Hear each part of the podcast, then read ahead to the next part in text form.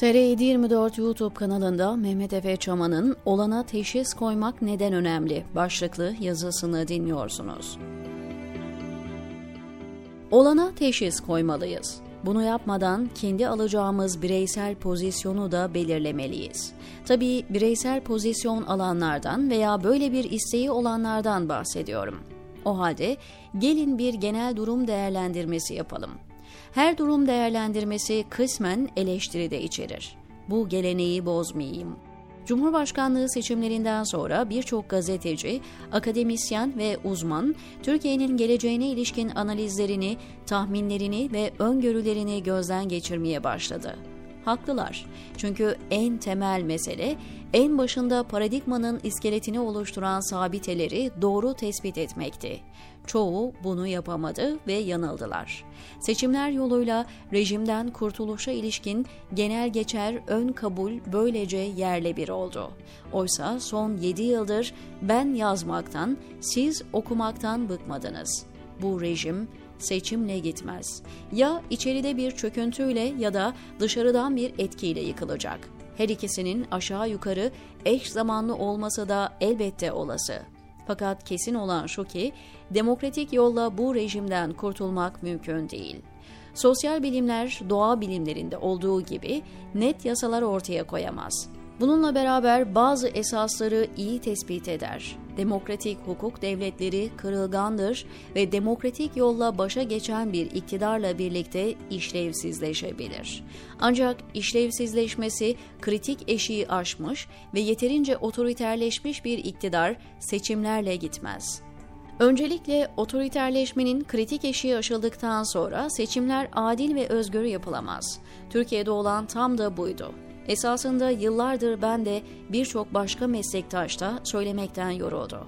Türkiye hukuk devletine ilişkin ne kadar özelliği varsa son 10 yılda kademeli olarak tümünü yitirdi ve devletin anayasal mimarisi çöktü.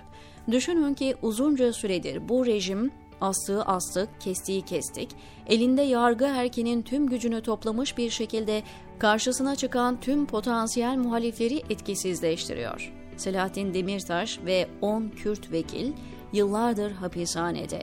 Ya da rejim yine istediği medyayı yok edebiliyor. Kapatılan gazete ve televizyonların haddi hesabı yok. Kapatmadıklarını da hizaya soktu zaten. Muhalefetimsi olanları da tek tük kaldı ama onlar da rejimin belirlediği oyun kurallarına göre davranıyor. Tıpkı siyasi partiler gibi. CHP ve AKP arasında örneğin konu KHK'lılar veya Gülen cemaatine tasnif edilenler olunca tam bir uyum var. Rejimlerin en önemli özelliği yukarıda vurguladığım oyunun kurallarını belirleme kapasitesidir. Bununla doğru orantılı olarak konsolide olurlar. Diğer bir ifadeyle kendilerini empoze ederler. İktidar ve dil arasındaki ilişki böyle bir şey.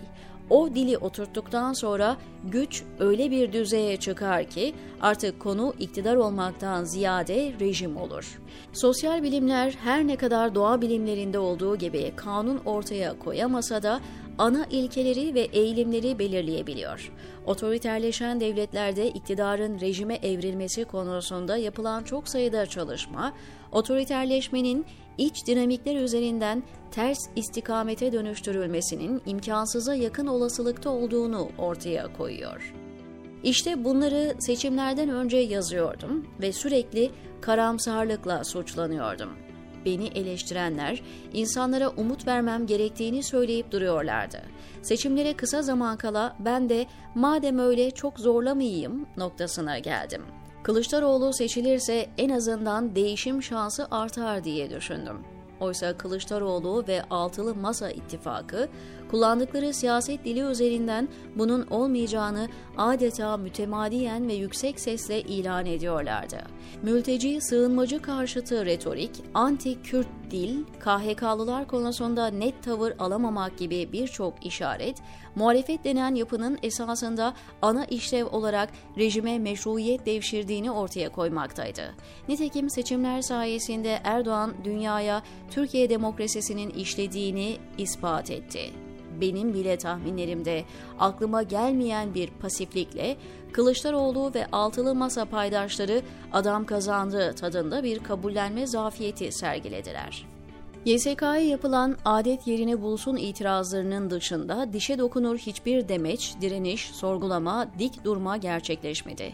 Oysa ben seçim sonuçlarına topyekün itiraz edeceklerini tahmin etmiştim beni yanılttılar. Erdoğan'ı hiç zorlamadan havlu attılar. Rejimin dümen suyunda olduklarını kamufle etme gereği bile hissetmediler. Rejimin muhalefeti yine rejime can suyu oldu. Demokrasi beklentisi bir başka bahara kaldı. Bu bir. Ama ikincisi demokrasiyi kendi partisinde bile uygulamayan bir partiden nasıl demokrasi çıkar sorusunu sormayan sözde uzmanlara ciddi bir şamardı bu. Bu zevat Kılıçdaroğlu kemküm etmeye başlayıp genel başkanlığa devam tavrı aldığında da pek bir şaşırdı. Delegelerin iradesine ipotek koyamam bahanesiyle CHP içerisinde aynı tas, aynı hamam bir gidişat olması, demokratik yollarla Erdoğan'dan kurtulacaklarını sananlara ciddi bir hayal kırıklığıydı dediğim gibi. Fakat esas mesele zaten parti içi demokrasi işleseydi de CHP içerisinde bir demokratik ve sol ekip başa geçmeyecekti. Nasyonalizmden beslenen CHP kimilerine antipatik ve moral bozucu bir ifade gibi de gelse gerçek buydu. Türkiye siyasetinde her şey İslam, Türklük hattı üzerinden şekilleniyordu. Tüm partilerde bunun bir karışımı vardı. Bu Türk partileri grubunun dışında kalan tek parti HDP. Zaten tüm partiler tarafından yalnızlaştırılmış ve tecrit edilmişti. Yine de Kürtler bir gayret Kılıçdaroğlu'na destek verdiler. Oysa dediğim gibi durum umutsuzdu. Böylece Kürt siyasi hareketi partiyi Türkiye'lileştirme rotasını sorgulamak noktasına geldi. Selahattin Demirtaş aktif siyasetten çekilme kararı aldığını duyurdu. Tüm bu gelişmeler esasında Erdoğan'a yarıyordu. Erdoğan Türkiye siyasetinin bir tür orkestra şefi gibi olayları belirleyebiliyordu. Belki de reisçi tabanın en çok hoşuna giden de buydu. Türkiye insanı kazananı sever. Kazananın hileyle, hurdayla mı yoksa bileğinin hakkıyla mı kazandığının fazla bir önemi yoktur. Erdoğan bunu iyi biliyordu. Karşısındaki kitlenin psikolojisini iyi çözmüştü. Ben mi patates mi karar verin türü bir formülasyon, itiraf edeyim, dahiyaneydi. Türkiye'nin Norveç olmadığını anlamamakta ısrar eden uzmanlar, Türkiye insanının da Necip falan olmadığını sanırım artık iyice anladılar. Emin olun Erdoğan seçimden bir gece önce televizyonlara çıkıp 17 Aralık tapelerinin gerçek olduğunu da söyleseydi, yaklaşık her iki seçmenden birinin oyunu alırdı. Türkiye siyasetinde seçmenin oy verme davranışı rasyonel ve nesnel argümanlar ve çözümlemeler ışığında gerçekleşmiyordu.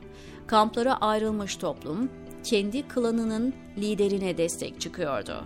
Erdoğan, İslamcı muhafazakar mahallenin reisiydi ve bu mahalle sayıca çoktu. Matematik bu kadar basitti. İç ve dış kırılganlık dışında rejimin yıkılma olasılığı yok. İçeride favori teori ekonomi. Ekonomik bir çöküntü durumu olmasını birçokları gibi ben de sistemin en ciddi iç zafiyeti olarak okuyorum.'' Fakat Erdoğan bunu kendi işine yarayacak bir araca da dönüştürebilir. Dışarıda ise ekonomiye bahane bulmak için dış bir ulusal dava yaratmak adına kumar oynayacak bir Erdoğan'ı olası görüyorum. Bu olursa dış tepki sert olabilir ve Türkiye, Rusya, İran veya Venezuela gibi uzun süre dayanamayabilir. Bu senaryoları önümüzdeki yazılarda yine konuşuruz. Şu aşamada gözlemlemek ve analize devam etmek önemli kanısındayım. Sanırım sürgünde muhalifler için bu yaz Türkiye'ye gitme planları suya düştü, diyor Mehmet Efe Çaman TR724'deki köşesinde.